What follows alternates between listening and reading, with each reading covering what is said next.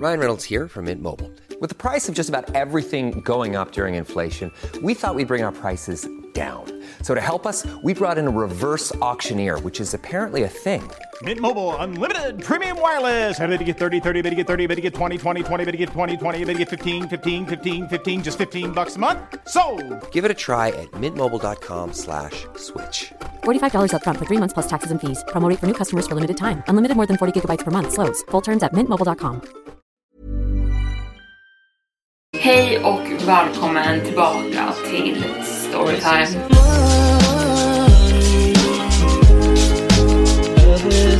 Hej och välkommen tillbaka till Storytime-podden.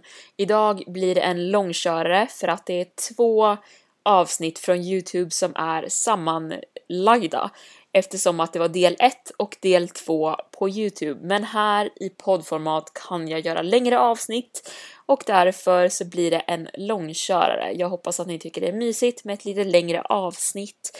Glöm nu inte bort att följa podden och nästa vecka förhoppningsvis så kommer jag få upp den på Spotify också. Men nu kör vi igång.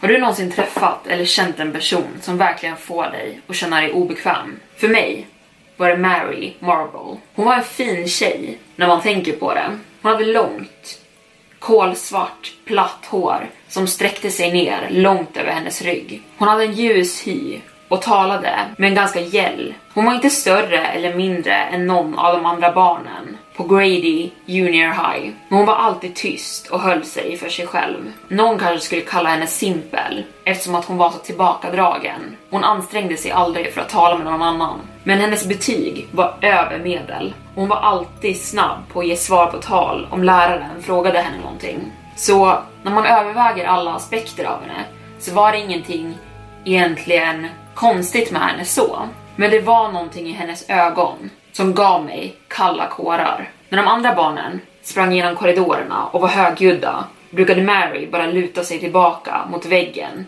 och bevaka. De flesta gångerna brukade hon bara stirra ut i tomheten, till synes helt försjunken i sina egna tankar. Men det hände att hon mötte en annan elevs blick och när hon gjorde det så kändes det som att man inte kunde se bort. Det kändes som att hennes mörka ögon var som svarta cirklar som bara sög in en och gav en en translik känsla. Nästan som att hon kunde se in i vårt undermedvetna. Det var i alla fall vad vi brukade säga till varandra. Jag är inte säker på om någon faktiskt trodde på historierna vi berättade om henne. Men det var en defensmekanism.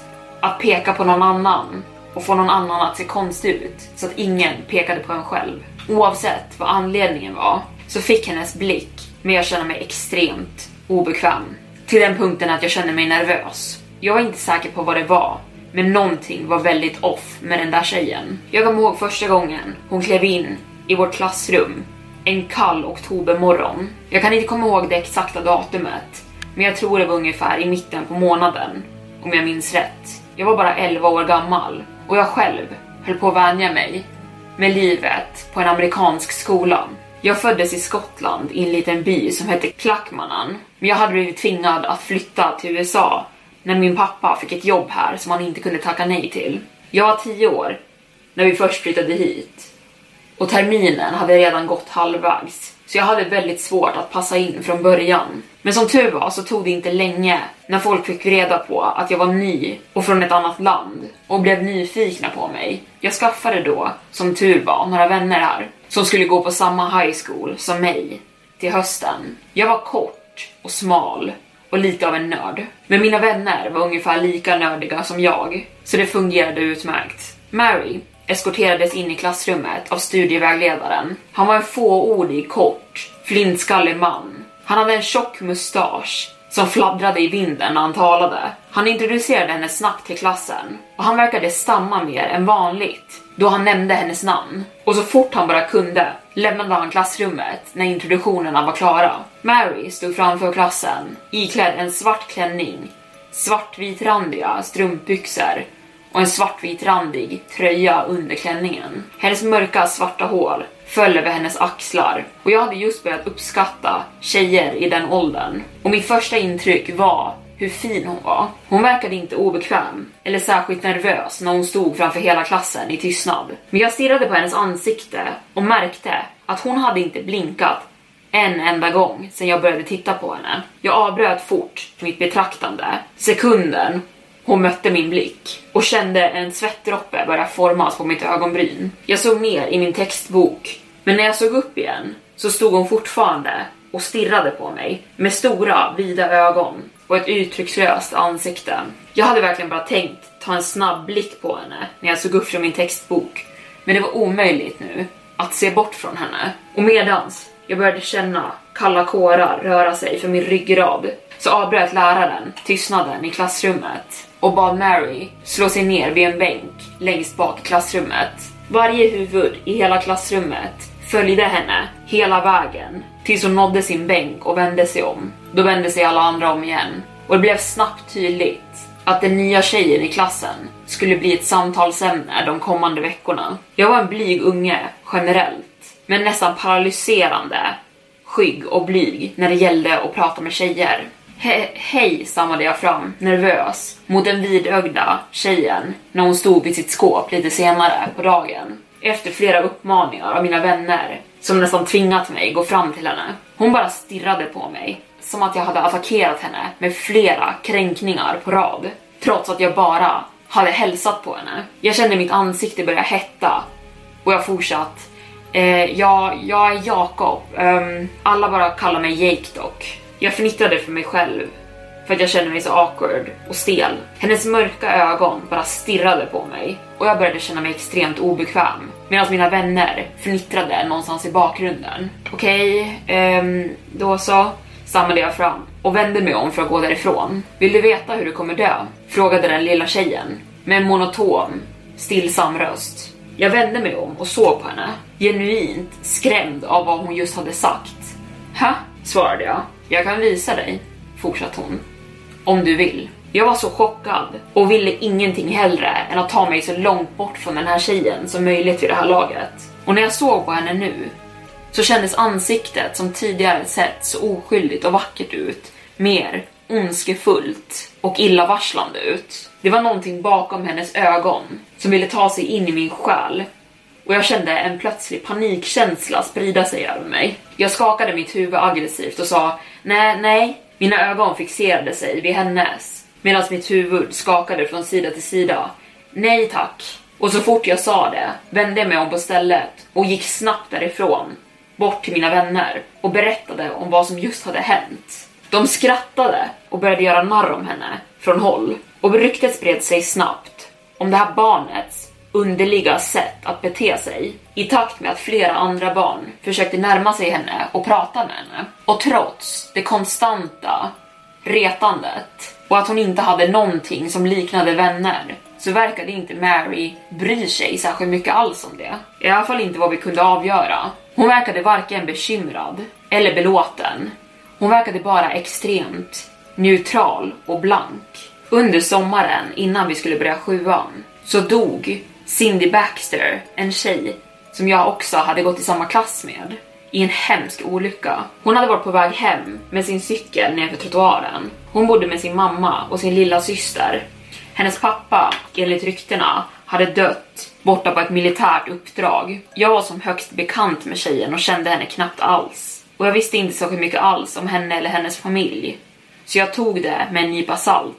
Det hade funnits ett långt järnstängsel bredvid trottoaren som hon cyklat på. Och när en liten sedan hade närmat sig och fått punktering hade hon inte haft en chans att komma undan när bilen slog i järnstängslet med henne klämd precis i mitten. Och efter berättelsen om vad som hände Cindy hade gått igenom en hel del olika munnar och blivit till skvaller fick vi höra saker som att hennes kropp skulle ha blivit kluven på mitten och när vi alla kom tillbaka till skolan efter sommarlovet inför hösten hade ryktena bara blivit värre och groteskare. Men den huvudsakliga poängen kvarstod. Den stackars lilla tjejen hade dött alldeles för tidigt. Och det var bara den första av många tragedier som skulle för under året. Rummet sjönk in i en tystnad när läraren gick igenom vad som hade hänt, bortsett från några av eleverna som satt och grät vi hade alla hört nyheten redan eftersom att det hade hänt några veckor tidigare innan skolan började.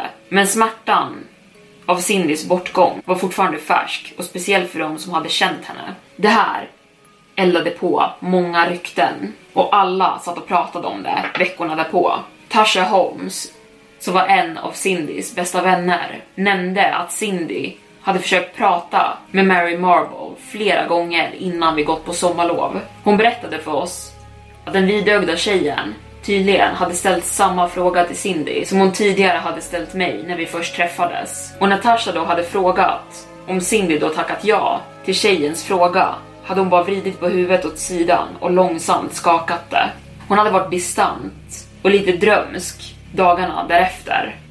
Enligt Tasha. Johnny Roma, en snabb, smart och rolig kille, även en medlem i våran lilla vängrupp, hade blivit mer och mer övertygad om att Mary var någon slags häxa och svor att han skulle konfrontera henne om hela den här grejen. Resten av oss skrattade åt honom och sa åt honom att sluta stanna uppe för länge och kolla, och kolla på skräckfilmer med hans brorsa. Han mumlade en rad kränkningar mot oss som jag inte ens är tillåten att säga. Sen stormade han iväg i korridoren, tydligt upprörd. Och desto fler dagar som passerade, desto fler barn började misstänka att Mary hade någonting att göra med Cindys död. Alla var nu övertygade om att hon var antingen en modisk psykopat eller antikristen. Jag kände att hela saken hade gått överstyr. Olyckan var tragisk, men inget bevis hade framkommit att det var mer än en olycka än någonting övernaturligt. Tony och Charles, de andra två medlemmarna i våran väncirkel, delade min åsikt om situationen och var ganska trötta på att höra det konstanta pratet om det. Till och med i våran unga ålder visste vi att att älta saker skulle inte göra det bättre och ingen skulle kunna gå vidare då. Vi hade just kommit till matsalen och Johnny satt nu och glodde rakt mot Mary medan han fortsatt att prata om vilket hemskt monster hon faktiskt var. Det var då Charles bara tappade det. Jag kan inte komma ihåg hur dialogen gick mellan de två, men de började bråka högljutt tills alla i hela matsalen stirrade på oss. Johnny bad alla dra åt skogen och gick därifrån. Men senare, samma dag, fick vi syn på Johnny stå och prata med Mary en bit bort. Hans kroppsspråk var, var konfrontativt först, men man såg en tydlig skillnad på hur han förhöll sig desto längre de pratade med varandra. Jag märkte hur hans axlar sänktes och hans huvud hängde neråt medan hon fortfarande hade ett uttryckslöst och obrytt ansiktsuttryck. Min vän Johnny vände på klacken och stormade därifrån. Jag såg honom försvinna och när jag såg tillbaka mot Mary märkte jag att hon redan såg på mig. Vi fick ögonkontakt och trots att flera andra barn passerade förbi oss och emellan oss bröt aldrig ögonkontakten. Jag kunde fortfarande känna hur hon stirrade rakt på mig. Det kändes som att vi var de enda två personerna i ett övergivet rum och jag kände en kyla spridas i min kropp desto längre det pågick. Vi bröt till slut ögonkontakt när en större barn råkade springa in i mig, uppenbart på väg någon annanstans och jag tappade balansen och ramlade in i ett skåp. Till slut samlade jag mig själv och såg tillbaka mot stället, men Mary var borta nu. Trots att upplevelsen skakade mig lite så fortsatte jag min dag precis som vanligt, omedveten om att det hade varit den sista gången jag någonsin såg Johnny i livet. Nyheten om hans död nådde oss morgonen därpå när mamma fick ett telefonsamtal som fick henne att chippa efter andan och hålla sig för bröstet. Johnny hade gått vid ett tågspår i närheten sent i natt. Tydligen för distraherad i sina egna tankar för att höra eller märka när tåget väl kom. Det var väldigt lite kvar av hans kropp vilket gjorde det svårt att identifiera honom. Men trots det spreds ordet om hans bortgång fort i vår lilla stad. Min mamma sa åt mig att jag kunde stanna hemma från skolan i några dagar om jag ville eftersom att Jonny och jag hade blivit väldigt tajta det senaste året. Men till och med då visste jag att jag inte skulle må bättre alls av att stanna hemma och tänka på det. Och jag skulle hellre befinna mig i skolan. Både lärare och elever fällde tårar för Jonny dagen därpå och många lämnade skolan för att åka hem istället under de kommande timmarna. Charles, Tony och jag satt i tystnad i matsalen då ingen av oss kunde hitta de rätta orden att säga. Andra barn satt och grät vid närliggande bord och vissa bara hängde med huvudet och försökte låtsas som att de satt och åt. Jonny hade varit ganska populär i våran skola, vilket alltid hade förundrat mig över varför han valde att hänga med oss. Han sa alltid att han kunde vara sig själv runt oss och att när han var runt andra behövde han låtsas vara någon han inte var. Trots att han njöt av att vara populär kunde han säga att han avundades oss andra som bara kunde smälta in i en folkgrupp utan att någon märkte oss. Jag hade aldrig tyckt att det lät lite kränkande först, sättet han sa det, men det lät så genuint så jag tror verkligen han menade gott med det. Under loppet av skolåret dog tre andra barn makabert. Bridget Morgan gick i åttan. Hon hade alltid varit väldigt atletisk och sprudlande. Föll till sin död vid en närliggande klippa vid bukten i staden. Hon hade ramlat rakt på sylvassa klippstenar nedanför och trädrötter och det hade slitit hennes stackars kropp i stycken. Billy Jordan gick i sexan och blev sliten i stycken av vilda djur i skogen. Det antogs att det hade varit björn eller vargar. Och till slut Andrew Barnes som gick i elfte klassen och var väldigt populär på skolan. Han hade ramlat ner i sågverket hemma hos sin farfar. Många trodde nu att staden hade blivit förbannad och min lilla vängrupp blev mer och mer övertygade om att den här förbannelsen hette Mary Marble. Och när sjuan började nå sitt slut hade vi adderat tre nya vänner till våran vängrupp. Sara och Veronica var tvillingsystrar och gick i samma årskull som vi. Båda var väldigt fina tjejer med matchande långt rött hår. Sara hade mer fräknar och var blygare än sin andra syster Veronica. Jag hade fått något av en crush på Sara. Dock så erkände jag inte på flera, flera år för någon. Båda var lite nördiga, precis som resten av oss. Men det gjorde bara Sara mer attraktiv för mig. Med hennes glasögon som hade tjocka svarta bågar och ett litet läspande när hon talade. Och Josh Holden var en ty ganska tystlåten kille, men så fort han blev bekväm med någon så var han snabb med skämt och väldigt lättsam. Han hade självlockigt brunt hår och en mittbena och var ganska så biffig för någon i hans ålder. De fyllde ut våran grupp väldigt väl och de delade våran tro om att Marble var roten på all ondska i den här staden. Vi planerade på att vi alla skulle ta reda på mer om henne och vad som för sig gick. Men vi kunde aldrig ha gissat vad vi faktiskt skulle få reda på. Det var ovanligt att någon såg till Mary utanför skolan och ingen hade den minsta aningen om vart hon faktiskt bodde. Hon hade inga vänner och hon verkade inte ett dugg intresserad av att skaffa några. Faktumet var att många av ungarna på våran skola verkade livrädda för henne nu och ingen vågade tala med henne alls. Det hade gjort henne till den största utbölingen på våran skola. Då och då kom jag på mig själv med att tycka lite synd om henne när hon satt ensam i matsalen eller kafeterian. Men sen mindes jag alltid känslan jag fick så fort jag var i närheten av henne.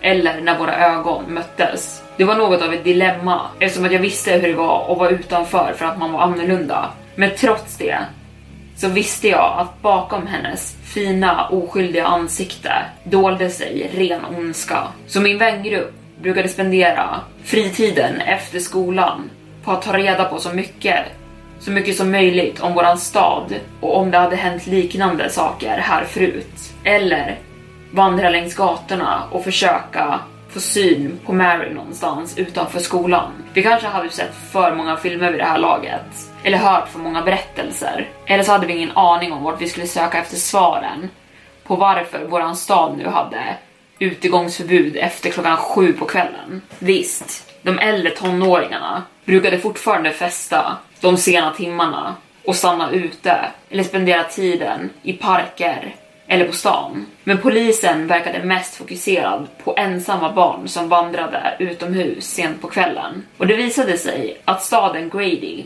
hade ett mörkt förflutet, vilket jag och Sara kom överens om lät precis som ett Scooby-Doo avsnitt. Hon hade det sötaste fnittret. Hon brukade alltid täcka för sin mun med sin hand när hon skrattade, vilket fick mig att le som en idiot varje gång. Charles brukade peta på Tony och de brukade skratta åt mig varje gång de märkte att jag satt och stirrade på Sara igen. Och trots att våran research gav oss väldigt mörk historia om staden så gav det oss inte fler svar om vad som försiggick nu. Det vi fick reda på att det verkade ha funnits en kvinna som bodde här för ungefär 100 år sedan som hette Daphne Clayton som hade begått en rad brutala mord på barn. När hon till slut togs till fånga och blev förhörd om motiven bakom hennes hemska brott hade hon bekänt att hon hade blivit galen efter förlusten av sina egna barn. Och trots vad hon påstod så hittades det aldrig några bevis på att hon faktiskt hade haft egna barn. Hon hängdes för sina brott efter en kort rättegång och flera år senare kom det ut till allmänheten att hon tydligen hade ätit av barnen hon dödat. Jag la ner den halvätna Snickersbaren på bordet medan Josh högläste ur den gamla nyhetsartikeln. Och trots att vi hade flera teorier om att Mary Marble skulle varit en återuppståndelse av Daphne Clayton så hade vi inga realistiska bevis som stödde det. Vi hade börjat tappa hoppet om vår framtida karriär som detektiver tills vi hörde nyheten om ännu ett barn som hade försvunnit. Gregory Banks och hans familj var nyinflyttade i staden och han hade inte ens börjat skolan här än. Ingen visste mycket om dem, men de hade tydligen flyttat hit från en större stad för att Gregory skulle få en lugnare uppväxt. Det var en riktigt dålig idé, tänkte vi alla. Människor startade en skallgång. Det gav inga resultat och mysteriet om Banks-killens försvinnande gav oss ny motivation till att undersöka. Vi kunde inte ge upp innan vi fick fler svar och till och med poliskåren verkade lika konfunderade som oss. Olyckor kan bortförklaras, men ett saknat barn kan också vara så mycket mer än så. Och när augusti rullade in hade vi nästan gett upp allt hopp innan skolan skulle börja igen. Trots att vi alla var väldigt nära i vår vängrupp så spenderade vi inte lika mycket tid på att undersöka längre. Delvis för att ett tag hade varit något av en besatthet för oss alla och dragit väldigt mycket energi. Vi träffades fortfarande några dagar i veckan, men vi började spendera mer tid ifrån varandra än vi hade gjort i början av sommaren. Inte för att nämna att våra föräldrar var inte särskilt taggade på att låta någon av oss befinna sig ute alldeles för sent efter Banks-pojken försvann. Alla var lite på helspänn. Det var en regnig tisdag, bara två veckor innan skolan skulle börja igen. När jag fick ett telefonsamtal från en frenetisk Tony. Han påstod att han hade fått reda på var Mary Marble bodde. Men teckningen var hemsk och jag kunde knappt avgöra vad han sa i sitt hysteriska tillstånd. Jag bad honom att upprepa sig flera gånger då jag inte kunde höra honom. Men det gjorde honom bara mer frustrerad i hans redan panikslagna tillstånd. Han var i mitten av att återupprepa informationen han redan hade försökt berätta för mig flera gånger. När han helt plötsligt blev knäpptyst. Tony ropade mot telefonen. Jag måste gå, svarade han i en väldigt tystlåten ton. Tony, är du okej? Okay? Men samtalet bröts och jag antog att han hade lagt på telefonen. Hans kropp hittades dagen därefter i trälinningen i samma skog som Billy Jordan hade hittats. När Tony hittades saknade han båda sina ben och hans vänstra arm och det fanns ett gigantiskt hål i hans bröstkorg som att någon hade slitit ut hans hjärta. Det här framkom i rapporter som inte var tillgängliga för allmänheten på flera år. Men tydligen hade hans kroppsdelar rivits ur sina hålor. Och den här sista delen ger mig fortfarande en klump i magen när jag tänker på. Och i flera veckor efter det här var skogen avstängd och strängt förbjuden att besöka. Medan polisen undersökte skogen där nu två barn hade mist livet. Men efter att de inte hade hittat någonting i form av bevis öppnade de upp skogen för allmänheten igen. Inte för att någon var särskilt intresserad av att bege sig in där igen. Vid det laget vi skulle börja åttonde klass. Vid laget åttan började hade många familjer redan flyttat ifrån den här staden som var ett levande helvete. Sara och Veronica hade flyttats till Florida av deras föräldrar. Men Sara lovade att hon skulle hålla kontakten. Vi brukade skriva fram och tillbaka och ibland prata i telefon.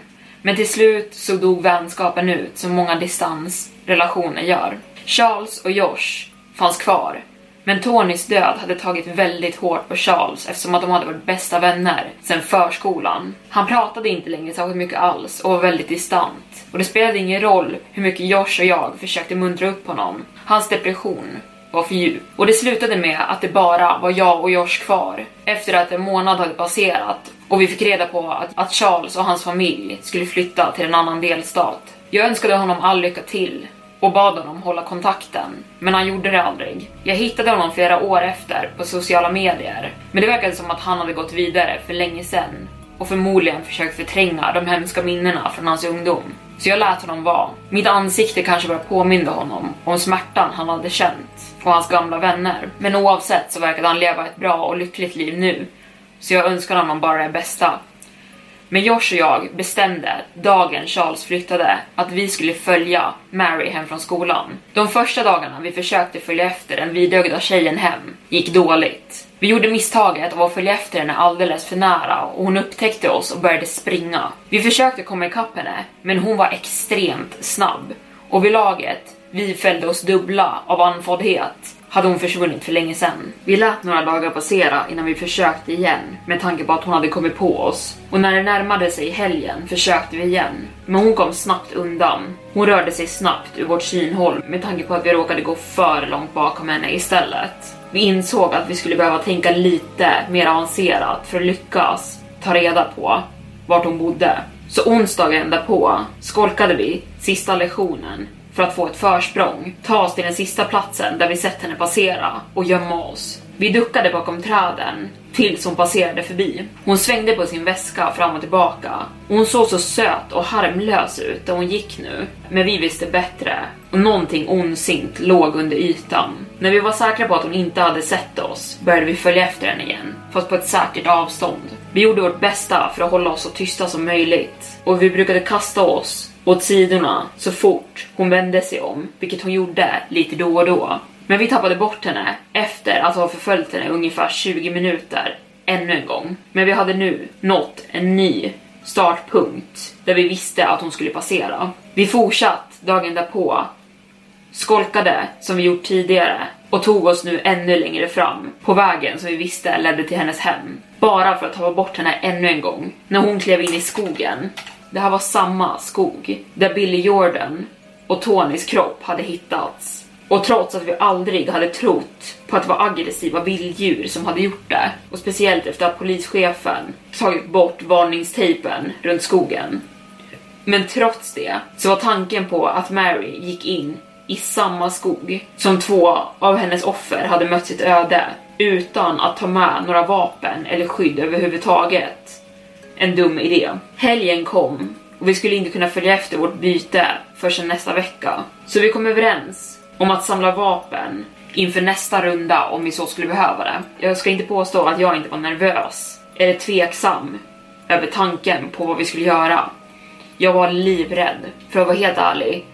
Men jag kände mig mycket säkrare med Josh bredvid mig. Han var mycket starkare än vad jag var. Han hade redan börjat bänkpressa över 180 kilo. Jag lyckades pressa 115 kilo på en bra dag. Men det var han som spottade mig och gjorde det mesta av arbetet. Han brukade alltid insistera att det var bara jag, men jag visste att han bara försökte vara snäll. Vi hade blivit nära vänner och ännu närmare efter resten av våran vängrupp hade splittrats och jag visste att han skulle hålla min rygg om någonting hände där inne i skogen.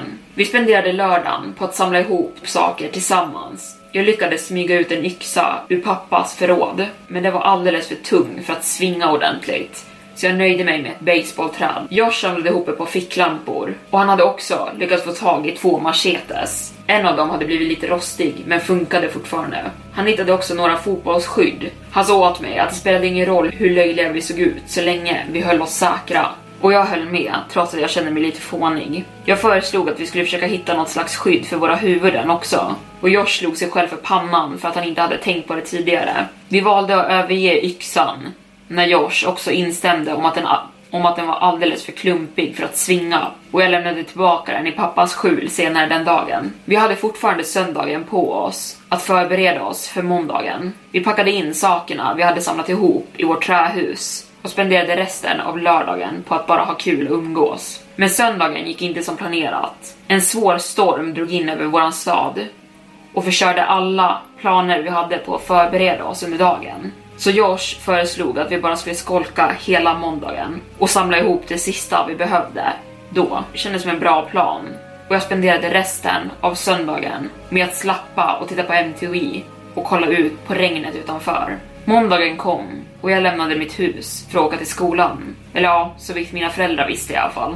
Jag gick på bussen, precis som vilken annan dag som helst. Men så fort den stannade utanför vår skola sprang jag därifrån på väg mot vårt trähus för att möta Josh. Jag mötte Josh utanför trähuset och han höll i två skridskohjälmar. Och precis som fotbollsskydden vi tidigare samlade ihop var hjälmen också för stor för mig. Vi hängde de blöta skydden på en trägren under trähuset för att torka och hoppades på att de i alla fall skulle hinna torka lite innan vi skulle bege oss in i skogen. Sen gick vi till den lokala närbutiken och köpte lite snacks och lunch för dagen. Sen spenderade vi resten av morgonen på att bara vänta tills det blev eftermiddag i trähuset. Vi åt snacks och pratade tills det var dags att bege sig in i skogen. Det var en lång promenad för att ta sig dit och vi var oroliga för att bli påkomna av någon förbipasserande bilist med tanke på att vi skolkade från skolan. Men i värsta fall skulle vi få en utskällning av våra föräldrar när vi väl kom hem. Om vi överlevde vad som nu väntade oss inuti skogen. Det skulle inte vara den värsta saken som kunde hända oss den här dagen. Vid ungefär klockan ett drog vi på oss våra ryggsäckar och började den långa vandringen mot skogen som låg vid utkanten av staden. Vi hade övervägt att ta våra cyklar till skogen och bara ha väskorna på ryggen. Men det skulle bli väldigt svårt att gömma dem i skogen någonstans utan att Mary skulle upptäcka dem. Josh föreslog att vi skulle ta dem i alla fall halvvägs och sen gömma dem någonstans. Till vilket jag svarade att jag var rädd att någon skulle sno dem i så fall. Eller ännu värre, att våra föräldrar skulle upptäcka att de var borta och inse att vi inte var i skolan. Så vi började gå och gjorde vårt allra bästa att inte bli upptäckta av bilar på vägen dit. Vi var dock inte jättesmidiga med våra försök att ducka undan så fort någon närmade sig oss. Det blev snarare värre och vi såg ännu mer misstänkta ut när vi hoppade bakom träd med våra bulkiga ryggsäckar. Men i det stora hela så verkade ingen egentligen bry sig särskilt mycket om vad vi höll på med. Efter nästan en och en halv timmes promenad så anlände vi till trädlinjen där skogen började. Tveksamt klev vi in i skogen och upptäckte att, att den inte alls var så tätväxt som vi först hade trott att den skulle vara. Det här skulle göra det svårare för oss att inte bli upptäckta av våra måltavla. Och vi hade inte heller övervägt hur svårt det var att hålla sig tyst inne i skogen. Speciellt nu på hösten när det låg torkade löv och kvistar överallt. Vi bestämde oss därför för att klättra upp i ett träd och försöka att hålla oss så dolda som var möjligt. Det skulle inte vara den bästa planen när vi väl skulle behöva ta oss ner härifrån när Mary dök upp. Men vi fick ta det som det kom. Mina fötter och ben hade redan somnat för länge sedan vid lagret Mary passerade en bit under trädet där vi satt. Hon stannade upp en stund och tvekade när hon gick in i skogen och det såg ut som att hon såg sig omkring så att hon inte skulle vara förföljd. Men som tur var för oss så såg hon inte uppåt. Vi iakttog henne en stund uppifrån trädet när vi såg att hon började gå i en rak linje rakt genom skogen över kvistar och grenar. Josh fick idén av att kasta en tallkotte en bit bort för att dra bort uppmärksamheten från oss när vi väl landade på marken nedanför trädet. När han gjorde detta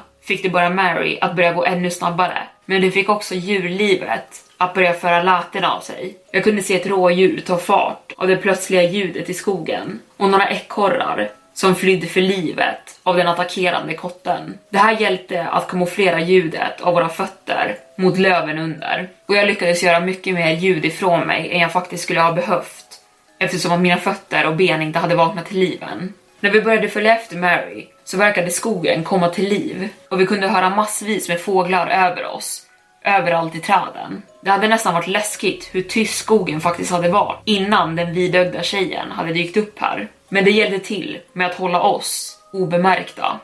Eller vi hoppades i alla fall det. Vi försökte regelbundet gömma oss bakom träd på vägen utifall hon skulle få för sig att se sig om axeln. Och just nu gick allting som smort för oss. Jag blev smått förvånad över hur djup den här skogen faktiskt verkade vara. Vi hade följt efter henne på en ganska bra distans, ungefär 20 minuter. Och trots att det inte var sent nog för att solen tekniskt sett skulle ha gått ner så började världen runt om oss falla i ett mörker desto längre in i skogen vi kom. Mina fötter hade börjat verka för ungefär fem minuter sedan och jag började ångra hela den här grejen. Josh såg precis lika trött ut som jag var och vi blev mer och mer klumpiga i sättet vi tog oss fram genom skogen. Vi såg på varandra en stund medan Mary gick långt framför oss. Josh skakade på sitt huvud och ryckte på axlarna och jag nickade. Så utmattade som vi var vid det här laget så skulle vi inte kunna försvara oss särskilt mycket om en situation uppstod. Jag vände min uppmärksamhet tillbaka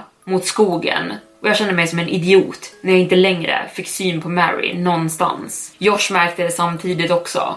Han såg tillbaka på mig med panik i ögonen. Jäklar, svor min kompis i blott en viskning. Vi började jogga mot den sista punkten där vi hade sett henne innan vi såg bort. Det hade blivit så mörkt inne i skogen så att det kunde ha varit mitt i natten nu. Men vi båda kände oss ganska osäkra med att ta fram våra ficklampor än. Vi visste inte om Mary hade märkt oss än och om hon gömde sig någonstans eller om vi bara hade missat när hon hade svängt av. Det sista vi ville var att dra hennes uppmärksamhet till oss ytterligare med ficklamporna om hon nu inte skulle ha lyckats märkt oss. Och med det sagt kunde vi knappt se någonting just nu. Till slut drog Josh fram sin ficklampa tände den och höll ena handen i för ljusstrålen som att dämpa ljuset den gav ifrån sig lite grann. Och för att addera till vårt dilemma hade vi varit alldeles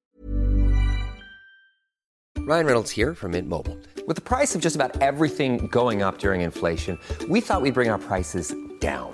So to help us, we brought in a reverse auctioneer, which is apparently a thing. Mint Mobile unlimited premium wireless. Ready to get 30, 30, bit to get 30, bit to get 20, 20, 20, bit to get 20, 20, bit to get 15, 15, 15, 15 just 15 bucks a month. So, Give it a try at mintmobile.com slash switch. $45 upfront for three months plus taxes and fees. Promo rate for new customers for limited time. Unlimited more than 40 gigabytes per month. Slows. Full terms at mintmobile.com.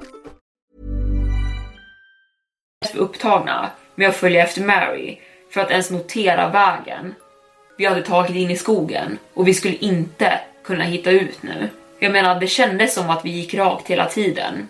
Men terrängen var så ojämn och marken var så gropig och vi leddes trots allt genom skogen bakom någon som verkade kunna den här terrängen väldigt väl. Det hade nu gått ungefär 10 minuter sedan vi tappade bort Mary och vi sprang nu praktiskt taget runt i cirklar och försökte hitta något spår av henne. Det här gjorde bara så vi blev ännu mer vilsna och vi visste inte alls vilket håll vi hade kommit från. Jag började få panik när jag hörde ett plötsligt skrik som kom från hållet där Josh nyss hade stått. Jag såg mig om när jag hörde det panikslagna skriket och upptäckte att min vän var totalt bortblåst. Jag sprang fram till platsen där jag hade sett honom sist, men såg inget spår av vart han kunde ha försvunnit. Mina ögon sköt från sida till sida och sökte efter minsta lilla tecken. Mitt hjärta började slå hårt och jag började hyperventilera. Jag bara kände på mig att det var hon som hade fått tag i honom. Hon kanske hade varit medveten om att vi följt efter henne hela tiden. Hon kanske bara väntade på rätt stund att attackera oss. Jag började ropa ut efter min vän, men jag höll fortfarande min röst lite dämpad, bara utifall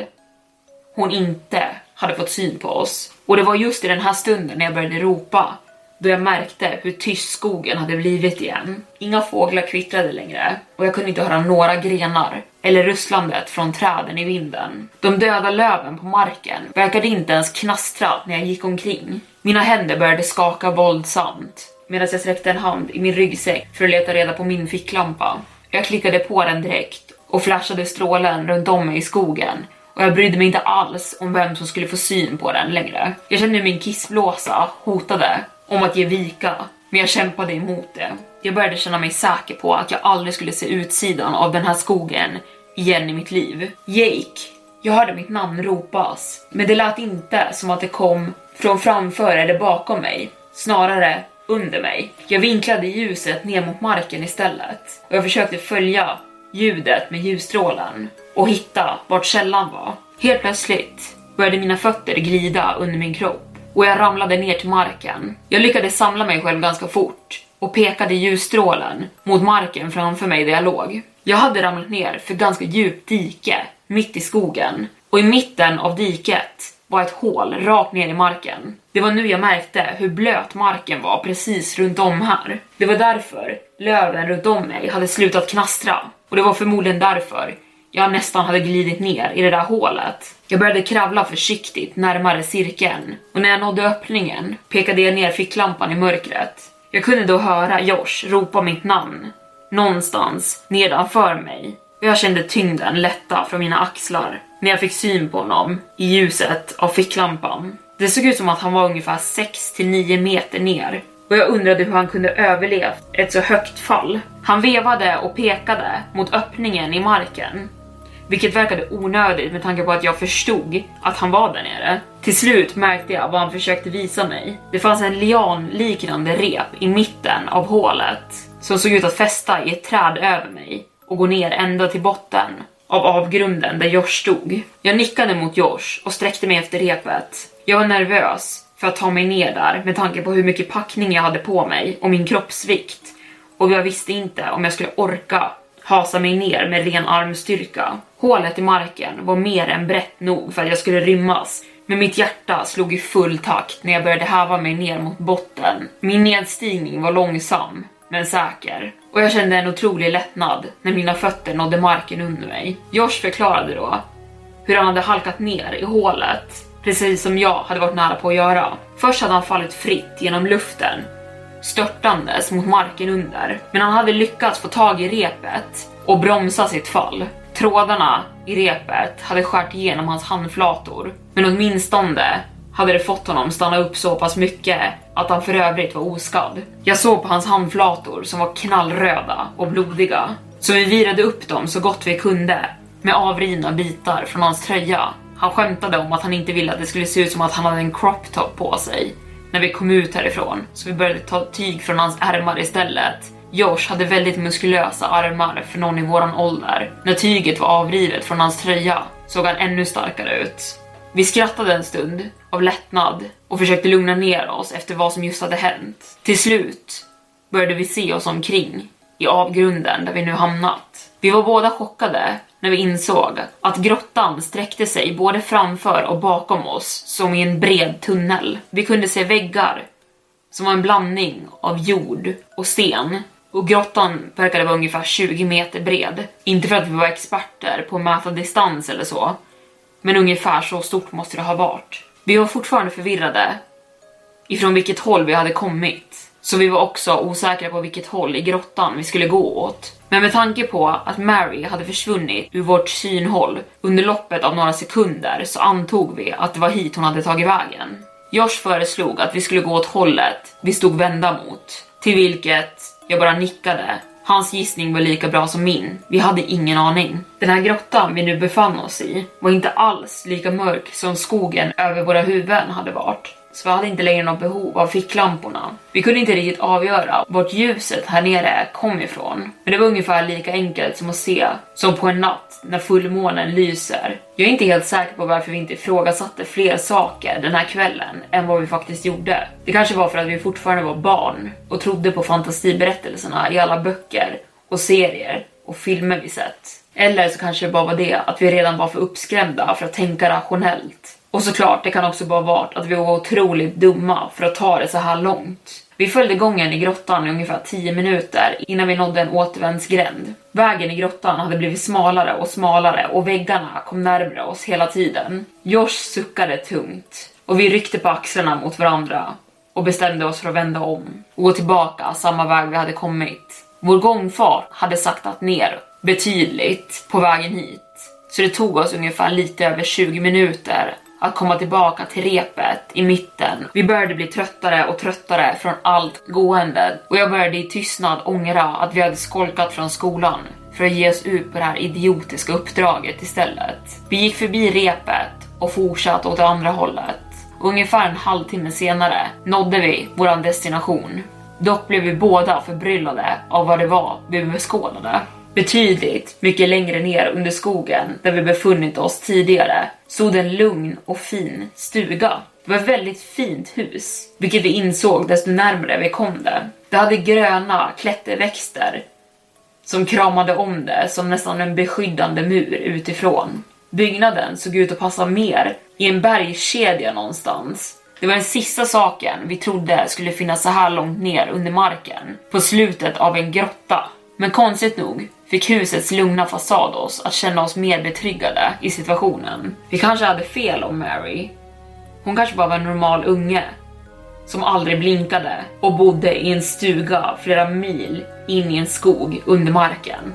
Ja, totalt normal. Vi närmade oss byggnaden och märkte att det var ljus tända på övervåningen i huset. Gardinerna var fördragna för fönstret, men vi kunde inte utgöra något tecken på liv bakom dem. Jag såg ner på min klocka igen för första gången på ett bra tag, när vi nådde de sista träden som gav oss skydd för husets fönster. Och jag såg klockan redan var sju på kvällen. Jag visste att mina föräldrar skulle ha total panik redan vid det här laget med tanke på allting som hade hänt i den här staden på senaste. Jag bara hoppades att de skulle vara någorlunda förstående när vi framgångsrikt satte stopp på terrorn i den här staden ikväll. Jag kanske var lite förhastad i det resonemanget. Vi var osäkra på vad vi skulle göra härnäst. Jag föreslog därför att vi skulle vänta tills lamporna släcktes i huset helt. Vi var redan i knipa med våra föräldrar med tanke på hur mycket klockan var så vi behövde inte skynda oss mer nu. Josh höll med och vi gömde oss en bit under altanen vid huset. Vi turades om att kika fram mot fönstren på övervåningen för att se om de hade släckts än. Klockan närmade sig tio på kvällen när hela grottan och huset föll i ett kompakt mörker. På något sätt hade ljuset som kom inifrån stugan genererat ljus för hela grottan och det var därför den hade varit upplyst. Vi började sakta ta oss upp för stegen på verandan som ledde till ytterdörren. Och Josh stannade plötsligt upp mitt i ett steg när ett av trappstegen gav ifrån sig ett högt gnisslande. Vi stod stilla som två rådjur i strålkastare och väntade på och få reda på om vi hade blivit upptäckta. Men ingenting hände och vi fortsatte upp till ytterdörren. Min vän höll vakt och såg snabbt från sida till sida medan jag sträckte mig ut mot dörrhandtaget och försökte vrida om. Men såklart skulle det inte visa sig vara så enkelt, tänkte jag för mig själv när dörrhandtaget vägrade röra på sig. Vi smög så tyst vi kunde till baksidan av huset och letade efter något fönster som skulle vara lite öppet. Vi fick syn på ett som hade en liten springa. Josh lyfte det sakta och sträckte in sitt huvud i huset. Han sträckte ut en hand menandes mot mig att ge honom en av ficklamporna. Han lyste sen in i huset. När han var säker på att kusten var klar gled Josh varsamt in genom fönstret in i byggnaden och jag följde tätt efter honom. Det första som slog mig var hur extremt normalt det här huset verkade. Vanliga möbler som du skulle förvänta dig se i ett vanligt hem. Tavlor hängde på väggarna med motiv som såg ut att komma från olika hotell eller liknande. En tavla föreställde en fyr som såg ut över havet. En annan hade ett fint naturområde, men inga bilder på några familjemedlemmar som skulle ha bott här dock. Vi inspekterade alla perfekt normala rum medan vi sakta tog oss igenom huset. Men vi hittade ingenting som verkade onormalt eller ondskefullt. I köket hittade vi normala matvaror som alla kök skulle kunna innehålla. Jag hade nästan förväntat mig att se mänskliga organ i containers vid det här laget. Väldigt normala frysta matlådor, men med överdrivet mycket uppbyggd frost. Och trots att allting såg ut att vara totalt normalt här inne så verkade allting ganska orört. Diskmaskinen var helt tom och torrvarorna i skafferiet hade ett lager av damm på sig allihopa. Och alla kryddor i skåpen hade passerat sina utgångsdatum sedan länge. Det såg nästan ut som att allt det här var som en fasad för nyfikna ögon, bara en täckmantel. Men varför skulle någon gå till de längderna när det här huset ändå låg någonstans där man aldrig skulle råka hitta det. Trots det med köket hittade vi ingenting annat i det här huset som verkade onormalt. Det var dock tills vi hittade källardörren. Vi båda misstänkte att Mary skulle befinna sig på den andra våningen i rummet där ljuset hade varit tänt. Vi kanske sköt på att gå upp där med flit och låtsades att vi gick igenom rummen så långsamt bara för att vara noga. Och när vi hade inspekterat alla rummen på den nedre våningen så var den enda dörren som fanns kvar den längst bort i hallen. Och med tanke på hur långt huset hade sett ut från utsidan så misstänkte vi att den där dörren bara skulle leda ut till baksidan. Det var därför vi inte hade skyndat oss till att granska vad som fanns bakom den tidigare. Men vi bestämde oss för att kolla ändå med tanke på att vi inte hade bråttom till den andra våningen just nu. Josh svängde upp dörren ganska oförsiktigt, med vad vi såg när den svängde öppen och en betongtrappa som ledde neråt. Och om huset skulle haft en källare borde trappan lett ner under huset, men den här sträckte sig framåt, ner framför oss. Vi antog att vi bara hade missbedömt längden av huset och började ta oss ner för trapporna för att undersöka. Våra ficklampor karvade den minsta möjliga cirkeln av ljus framför oss och mörkret verkade vara för kompakt för något ljus att bryta igenom här nere, vilket var skrämmande i sig själv. Josh skakade i sin ficklampa som för att justera batteriet i det, men det hjälpte ingenting. Jag gav honom min ficklampa istället Men den levererade inte bättre än hans överhuvudtaget. Vi båda kände oss mer tveksamma nu, men vi fortsatte ändå gå ner för trapporna. Trapporna har fortsatt mycket längre ner än vi först trodde att de borde ha gjort. De löpte ungefär tre gånger längden av det här huset ner under marken. Till slut nådde vi ett gropigt betonggolv på botten av trapporna och det fortsatt längre fram framför oss. Desto längre vi gick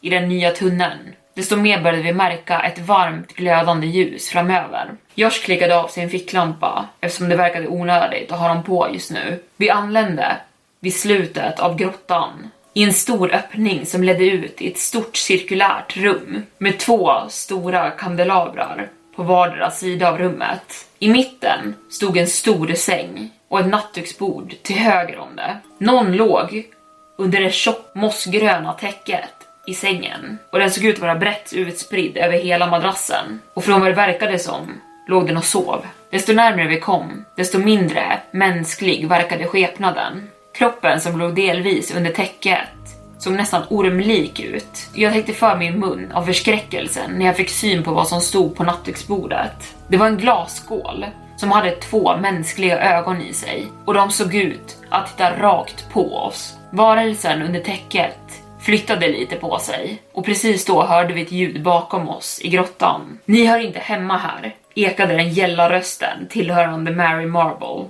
i mörkret. Jag svängde om på stället direkt och såg hur hon kom springandes rakt mot oss. Hon hade ett ansiktsuttryck den här gången. Ett mycket vildare ansiktsuttryck än jag någonsin sett henne med i skolan, då hon alltid bara såg uttryckslös ut. Hon såg rasande ut och jag drog snabbt fram mitt baseballträ medan Josh sträckte sig efter en av machetesarna. Jag var livrädd, men jag stod kvar fast på stället. Hon hade nästan nått ända fram till oss när helt plötsligt hennes kläder bara föll till marken utan någonting inuti dem längre. Hennes kropp gick upp som ett moln av rök. Jag såg mig om panikslaget i rummet då jag märkte att varelsen under täcket började röra på sig och komma till liv. Josh och jag spred ut oss i rummet. Helt plötsligt hörde jag ett ljud komma från min ena sida och sekunden efter slogs jag hårt till marken. Kraften bakom tacklingen var enorm.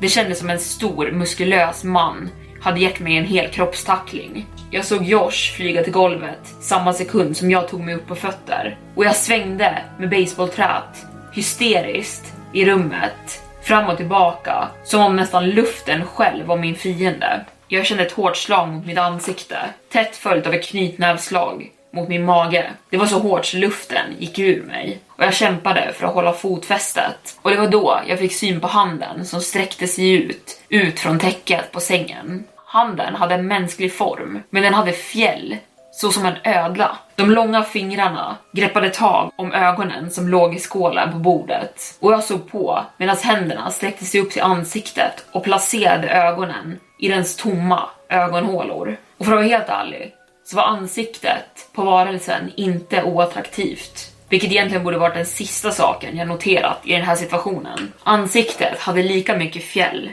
så som handen hade haft. Men konturerna på ansiktet var mjuka och såg kvinnliga ut. Helt plötsligt slogs mina ben bort underifrån min kropp och jag slog i marken på grottgolvet en gång till. Jag märkte då att jag faktiskt kunde avgöra en dimma från våran angripare när hon väl slog. Det var som att Mary var gjord av rök eller dimma när hon väl gjorde ett utfall. Men kraften var stark som en lastbil när den väl slog. Och medans jag vände mig om på marken såg jag hur ödlekvinnan började röra sig upp bort från sängen. Hon var snabb, skrämmande snabb. Och medan Mary slog ner mig en gång till ramlade min hjälm av och rullade bort genom rummet. Den fjälliga kvinnan tog nu fart och gjorde ett utfall mot Josh. Hennes överkropp var mänsklig och såg ut precis som en människas medan hennes underkropp såg ut att vara en gigantisk orm. Hon hade fjäll från topp till tå och hennes vidöppna mun var full av sylvassa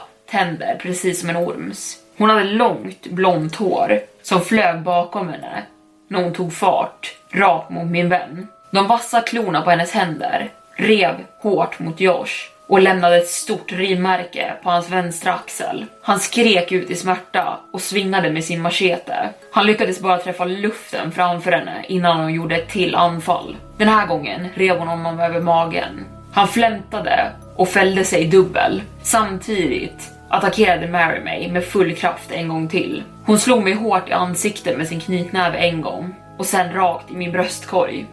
Jag försökte slå tillbaka, men hon var bara i någon slags fast form sekunden hennes slag träffade. I en sekund lyckades jag få tag i hennes arm när hon slog mig, men den upplöstes till rök samma sekund innan jag lyckades med någon motattack överhuvudtaget. Både Josh och jag låg blödande och blåslagna på marken och det såg ut att finnas extremt lite hopp att vi skulle överleva det här. Vad var de här sakerna för någonting? Frågade jag mig själv i mitt förvirrade tillstånd. Ödlevarelsen förberedde sig mot en ny attack ner mot Josh ännu en gång och det hela gick i slow motion framför mina ögon. Hon sträckte sig först upp mot taket som för att ta sats och sen attackerade hon rakt ner mot golvet där Josh befann sig. Världen skakade till en sekund när Mary tog ett nytt slag mot mig och träffade rakt på min käke.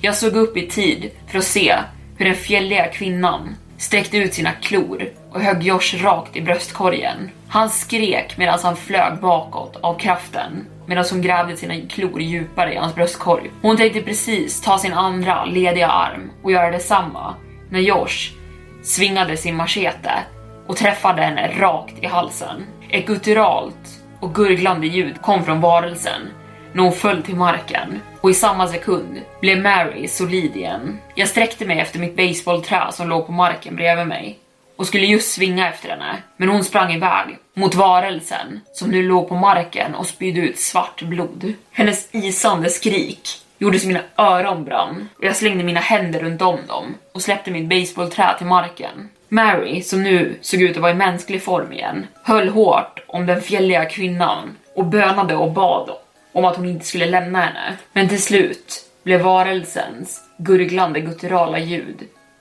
tystare och tystare tills hon tystnade helt. Mary släppte ut ett frenetiskt skrik fullt av ren ilska och flög sen på Josh som hade legat på marken och greppat sig för sina sår. Mary virade sina händer runt Josh hals medan hon skrek och saliv sprutade från hennes mungipor. Han försökte slå bort henne. Hon visade sig vara ännu starkare nu än hon hade varit tidigare.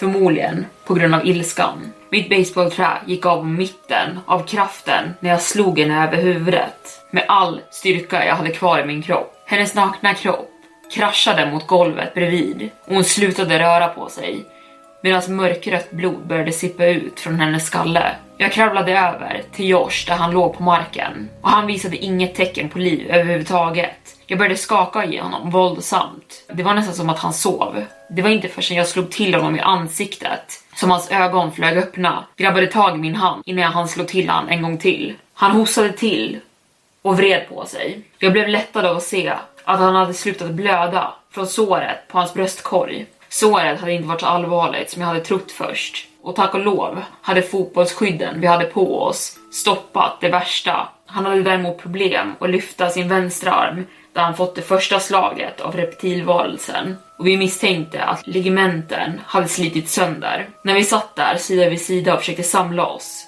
släppte jag ut en lång suck. Du ser ut som skit, sa Josh medan han pekade mot mitt ansikte med sin bra arm. Jag gned med handen över mitt ansikte och ryggade till när jag kände smärtan från såren. Tror du att hon är död?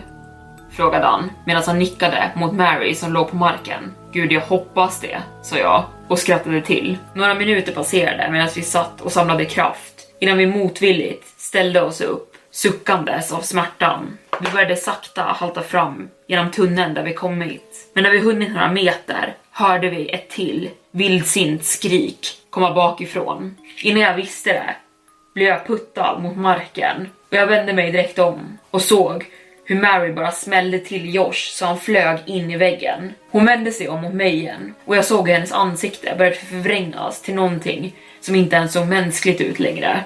Hennes ögon var nu kolsvarta, utan iris och vitor och hennes mun blev bredare och bredare tills den liknade gapet av en haj. Svarta tårar flödade ner från hennes ögon och de pulserade så som om hon grät. Hon hoppade på mig och virade sina händer runt min hals.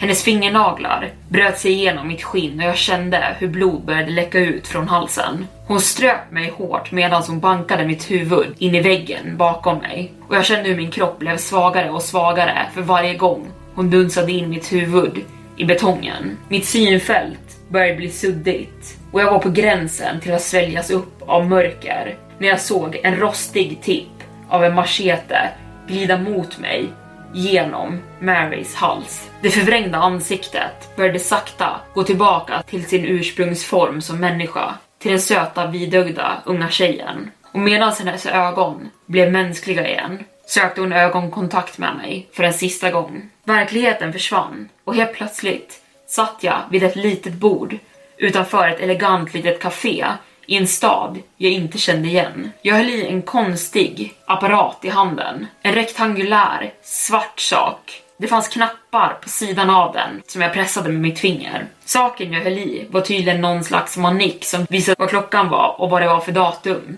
Det var den 4 augusti 2021 och jag såg mig omkring och såg att gatorna var fyllda av människor och folk åkte förbi med bilar. Rösten från en snygg ung brunett som verkade vara servitris frågade om jag ville ha påfyllning av mitt kaffe och jag nickade.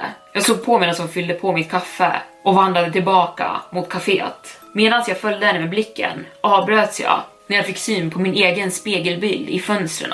Jag var jag, men jag var mycket äldre. Jag hade blivit tunnhårig och det håret jag hade kvar var grått. Jag hade tjockt skägg och glasögon och jag satt där som förstelnad av min egen reflektion, men bröts ur transen när jag märkte någonting i spegelbilden på fönstret.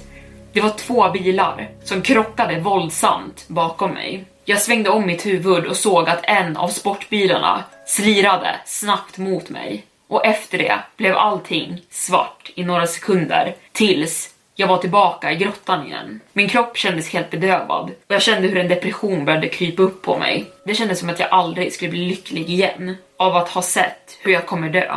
Trots att det var många år kvar kände jag mig tom. Jag kanske gick i någon slags vanställd tro om att jag skulle leva för evigt. Och känslan av att jag en dag skulle möta mitt oundvikliga öde fyllde mig med något slags mörker jag inte kunde förklara. Jag reste min blick precis samtidigt som jag såg det sista livet lämna den vidögda söta lilla flickan framför mig. Hennes händer tappade greppet runt om min hals och föll till sidan innan hon kollapsade totalt. Sekunden hon gjorde det försvann mörkret jag nyss hade känt och jag såg upp och såg att Josh såg ner på mig medan han höll i en blodig machete i handen. Han andades tungt och trött och frågade Är du okej okay, mannen? Det var långt över midnatt och innan vi lämnade grottan bakom oss hade vi stannat till i huset och tvättat av våra sår och kollat av så att vi inte skulle få några fler surprise besökare på vägen upp. Marys sovrum hade varit väldigt typisk för vilken tonårig tjej som helst.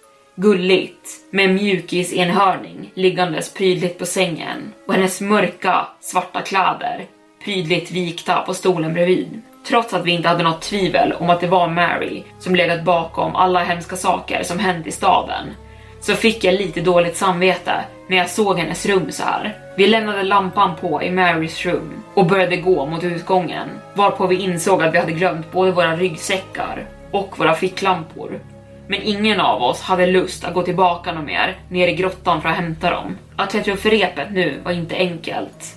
Med tanke på att vi båda var helt utmattade och Josh hade skadat sin ena arm rejält. Jag gick upp först och fick sen dra upp repet med Josh tight klamrad med sina ben och sin, och sin friska arm. Det tog lite tid, men till slut började vi leta oss fram bland de mörka träden. Efter vad som kändes som timmar av vandrande, helt vilsna, såg vi starka lampor framöver i distansen. Skallgången hade satt igång efter midnatt och de hittade oss blodiga och sönderslagna i skogen ungefär fyra på morgonen. Och det visade sig att vi hade inte gått i någorlunda rätt riktning överhuvudtaget innan vi fått syn på lamporna. Direktioner var aldrig vår starka sida. Mina föräldrar sprang fram till mig och gav mig en stor kram, ackompanjerade av polischefen Jim Crawford som hjälpte till att leda oss ut ur skogen. Josh blev hälsad av sin mamma och hans storebror Richard. De råkade krama om honom hårt precis på hans skadade axel och han pep till. Hans pappa var tydligen fortfarande inne i skogen och letade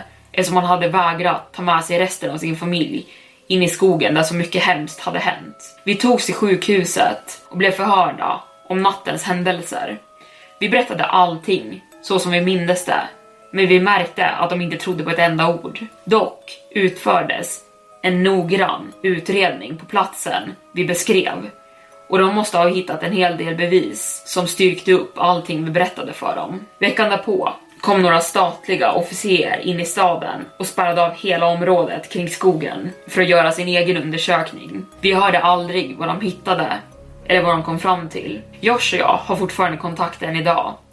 Han har blivit ganska besatt av att undersöka det paranormala. Han har till och med träffat fler människor som tror på samma saker och diskuterat. Och alla de han träffat på har egna stories som är helt galna de med. Jag har varit på några av deras möten. Malcolm, kompis till Josh, påstår att det vi träffade på i skogen den natten var en lamia och att Mary var någon slags vålnad som kanske blev uppfostrad av den fjälliga varelsen. Det här var bara teorier dock. Men det var någonting som gav mig lite till svar på alla många frågor. Och Josh och jag tog en roadtrip tillbaka till Grady för några år sedan och fick reda på att tragedierna hade slutat hända samma natt vi hade vandrat ut ur skogen. Det gör mig stolt att veta vad vi gjorde den natten. När jag ser runt på de nu bekymmerslösa barnen som springer runt i staden. Jag träffar fortfarande min terapeut regelbundet. Dock är hon övertygad om att jag bara kommit på egna berättelser som svar på mina trauman. Men jag slåss fortfarande med minnena från min barndom i Grady. Men bortsett från det så har jag haft ett bra liv med bra vänner och en fru. Jag ska träffa en ny publicist på ett café som heter Blue Moon i en närliggande stad imorgon. Det är känt för bra service och extremt gott kaffe. Dock tror jag ändå att jag kommer avboka det mötet. Jag brukar inte hålla så mycket koll på vilket datum det är eftersom att det mesta av mitt arbete sker hemifrån eftersom att jag är skribent. Men enligt min iPhone så är det den 3 augusti idag och den 4 imorgon. Så jag kanske ändå kan omboka. Och där var denna berättelse slut och jag ser nu att det här avsnittet blev över en timme. Så om ni fortfarande lyssnar så tackar jag för att ni har lyssnat idag och vi ses ses, vi hörs nästa gång.